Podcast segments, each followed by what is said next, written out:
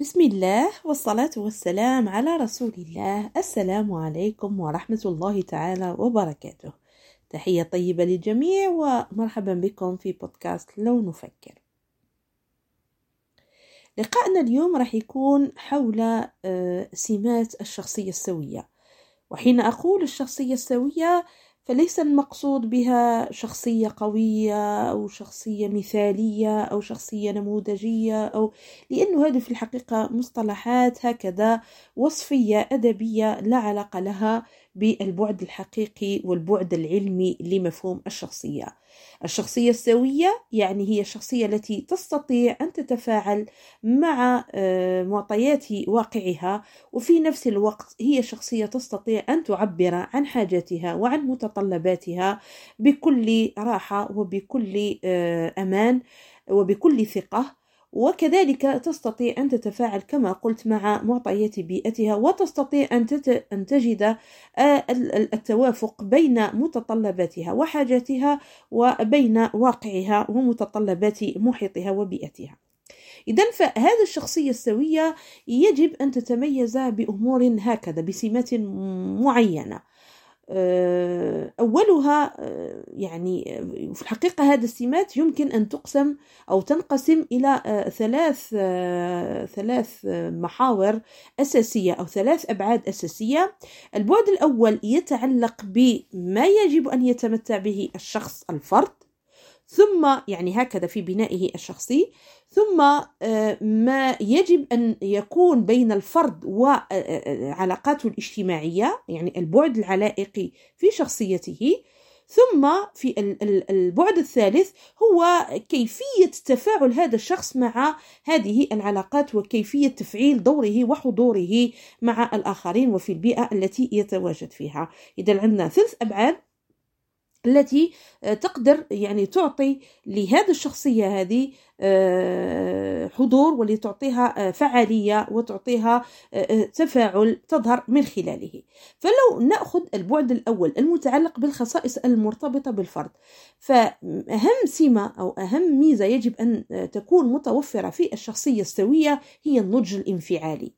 النضج الانفعالي هو أن يكون الإنسان على مستوى معين من الكفاءة الانفعالية بحيث أنه تكون هناك تناسب بين الموقف الذي يعيشه الإنسان وردة فعله واستجابته لأنه الانفعال في الحقيقة هو ردة, ردة فعل آه، هكذا نفسية آه، عاطفية إن صح القول مع مواقف معينة يعيشها الإنسان. طبعا من الانفعالات كاين الغضب الفرح القلق الخوف في انفعالات متعددة. آه، فالإنسان الناضج انفعاليا هو إنسان تكون هذه ردود أفعاله هذه الانفعالية تكون متناسبة مع الموقف دون كم يعني دون أن يكون هناك لا مبالغة ولا آه، كذلك آه، عدم اهتمام أو لا اكتراث أو لا مبالاة.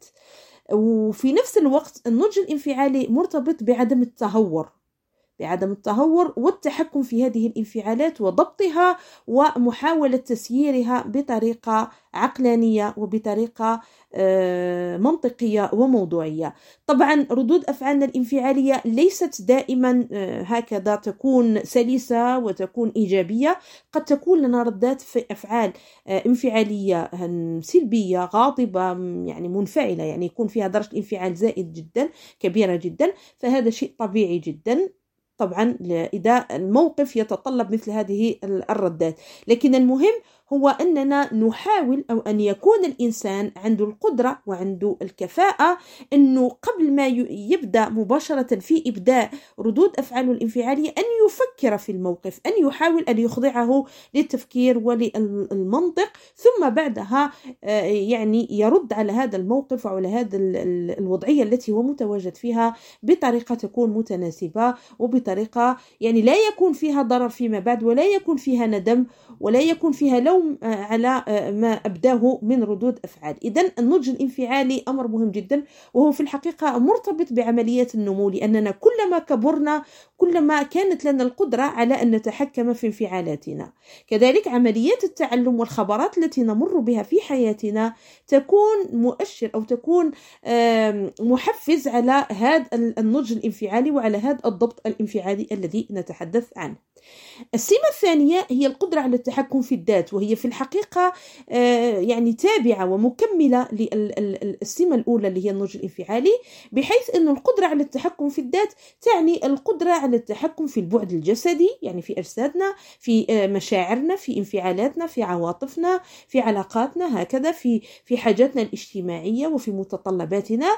يعني إلى حد ما نكون على بينة بما نريد وعلى بينة بما يمكن أن نحققه أو أن نصل إليه من آه، تحقيق أهداف وفي نفس الوقت أن نعي يعني حدودنا وأن نعي ما هي الأمور التي قد لا تتيح لنا تحقيق بعض الأشياء أو بعض الرغبات والأهداف وإمكانية إرجاعها أو تأجيلها حتى نوفر لها ما يج... الإمكانيات أو الظروف أو الحاجات التي تسمح لنا بتحقيقها. إذن هذا هو القدرة على التحكم في الذات. بعدها السمة الثالثة هي طبعا نحن ما زلنا دائما في البعد الفردي. آه، آه، القدرة على الحب والثقة المتبادلة. لما نتحدث عن الحب فنحن لا نتحدث عن عن علاقات عاطفية بين الرجال والنساء أو بين الحب في في معناه الإنساني العام. الحب كشعور إنساني ضروري جدا للوجود لأن الحب يعني التعلق. والتعلق يعني الارتباط والارتباط يعني الإحساس بالأمان والإحساس بالانتماء.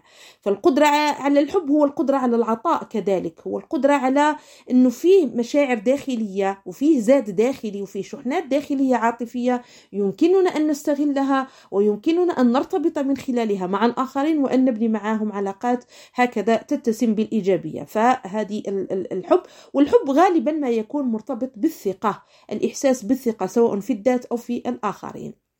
بعدها راح نكون نمر إلى السمة الرابعة في البعد الفردي اللي هي الشعور بالرضا والطمأنينة. الشعور بالرضا هو الشعور بالاكتفاء. الشعور بأنه ما وجد لدينا وما هو متوفر لدينا وما هو موجود فينا فهو يعني نحن راضين عنه ونحن متقبلين ما هو موجود بداخلنا وما هو متاح لنا كما قلت. وبالتالي فهذا الإحساس بالرضا هو الذي يدفعنا للعمل بطريقة أفضل. أن نسعى لأن نكون أفضل وأن يكون لنا محفز لأن نصل إلى درجات عليا من تحقيق الذات وتحقيق إنجازات وتحقيق نجاحات معينة. إذا الرضا هو خطوة للإنجاز وخطوة للأداء الأفضل. وطبعا كل ما كان عندنا الشعور بالرضا كلما كانت عندنا الإحساس بالطمأنينة وهذا يعني خاصة عند الإنسان المؤمن أو المسلم من الأمور الأساسية التي يجب أن تكون متوفرة لديه كإنسان وكفرد. هذا البعد الأول. البعد الثاني هو قدرتنا على بناء علاقات اجتماعية. ولذلك السمة الأولى في الشخصية السوية في بعدها الاجتماعي هي القدرة على التعامل مع الآخرين. هو أن أكون متواجد في بيئة اجتماعية أن أتعامل مع الناس أن أبني معهم علاقات أن وطبعا هنا في بناء العلاقات وفي آه، التعامل هناك درجات هناك مستويات هناك آه، يعني تصنيفات فليس الجميع سواسية في علاقاتي بهم هناك الأقربين ثم بعد ذلك يعني فما هم أقل قرابة وما أقل احتكاكا وأقل أهمية وهكذا وهكذا بحيث أن الدوائر الأولى الأساسية في العلاقات الاجتماعية القاعدية تبدأ تتسع تتسع إلى أن تصل إلى علاقات إنسانية هكذا عامة في المطلق بحيث أن شعوري بالآخر وعلاقتي ببني البشر الآخرين من مبدأ إنساني بحت ليس له علاقة ببعد ذاتي شخصي. إذا فالقدرة على التعامل مع الآخرين كذلك تعتبر سمة أساسية في سمات الشخصية السوية. وفي نفس البعد يمكن أن نذهب إلى القدرة على بناء علاقات إنسانية متوازنة مع الآخرين يعني بحيث لا يكون هناك يعني اعتمادية مطلقة آه، اتجاههم وكذلك لا يجب أن يكون هناك عدم نفور من التعامل معهم. قضية النسبية قضية آه، الموازنة في هذه العلاقات وقضية تحقيق آه، يعني جزء عقلاني حسي بمنطقي في هذه العلاقات أمر مهم جدا وتبقى العلاقات الأساسية الاجتماعية الأساسية القاعدية يعني تتسم بنوع من العاطفة الزائدة ولهذا قد نجد فيها بعض من الاعتمادية وبعض من التعلق خاصة في العلاقات الأسرية. وهذا أمر مهوش ليس مضر. ولكن إذا تمادينا فيه فهنا قد يصبح آه، يعني آه، يعمل لغير صالحنا. وعوض ما أن تعطينا هذه العلاقات القوة والحصانة فلربما تكون يعني معيق بالنسبة لنا لأن نقدم أفضل ما عندنا أو أن نحقق الاستقلالية المطلوبة في حياتنا.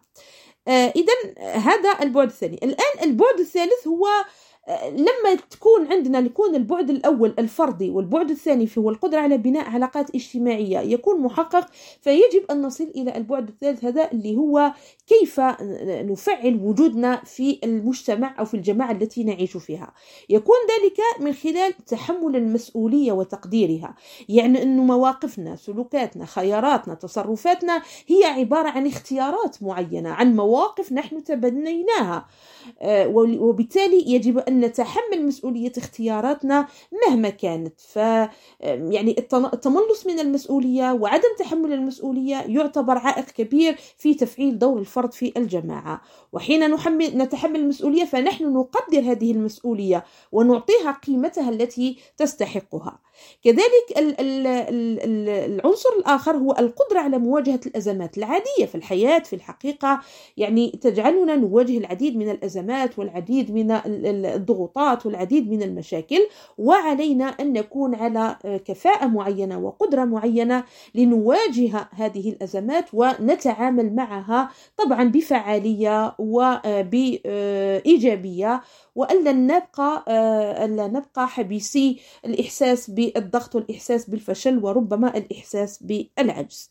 وهذا ما يعني يجعلنا نمر إلى العامل الثالث اللي هو القدرة على العمل والإنتاج بما يتناسب مع الإمكانيات. يعني أن يكون لنا دائما القدرة على أن نعطي على أن ننتج على أن ننجز على أن نبدع على أن نبتكر. يعني أن نعطي دائما أشياء جديدة. وأن لا نبقى سلبيين وأن لا نبقى عاجزين. وننتظر دائما ما يقدمه الآخر لنا. يجب أن نبادر لأن نقدم نحن للآخرين وأن نقدم للجماعة التي نعيش فيها وأن نفعل فعلا وجودنا معهم. إذا هذا الثلاثية اللي هي البعد الفردي والبعد الاجتماعي والبعد العلائقي ثم بعد تفعيل الذات في الجماعة التي نعيش فيها. يمكن أن تتلخص في العنصر الأخير في السمة الأخيرة في سمات الشخصية السوية وهي القدرة على بناء مفهوم واضح للذات مع إمكانية إسقاطها على محور الزمن الماضي الحاضر والمستقبل. بمعنى أنه يكون عندنا تصور واضح لذواتنا ولإمكانياتنا ولقدراتنا وللمعيقات التي قد تعيقنا ولحدود أدائنا. و آه، يعني هذا في التصور العام للذات مع أنه مع ارتباطها بعامل الزمن يعني أن نكون على بينة بماضينا ونحن يعني نعيش على حاضرنا هو في الحقيقة نتاج لماضينا. ولهذا ضروري جدا أن نكون على وعي بماضينا وأن نفهم حاضرنا ومتطلبات حاضرنا وكذلك أن تكون لنا القدرة على التطلع وبناء مخططات للمستقبل. وفق طبعا ما ما جنيناه من ماضينا وما نفعله اليوم في حاضرنا. هذه كانت سمات الشخصية السوية. هكذا حاولت أن أعطيها صورة. هكذا ملخصة. وأرجو فعلا أن نستطيع أن نكون أو أن نحقق هذه السمات وأن تكون لنا شخصيات سوية متكافئة متكيفة متوافقة وأن يكون أداؤنا دائما أداء جيد وأداء إيجابي مهما كانت الظروف التي تحيط بنا. سعدت جدا آه، بالحديث معكم وأشكر لكم دائما آه، إصغاءكم وحضوركم وطيب متابعتكم. والسلام عليكم ورحمة الله تعالى وبركاته.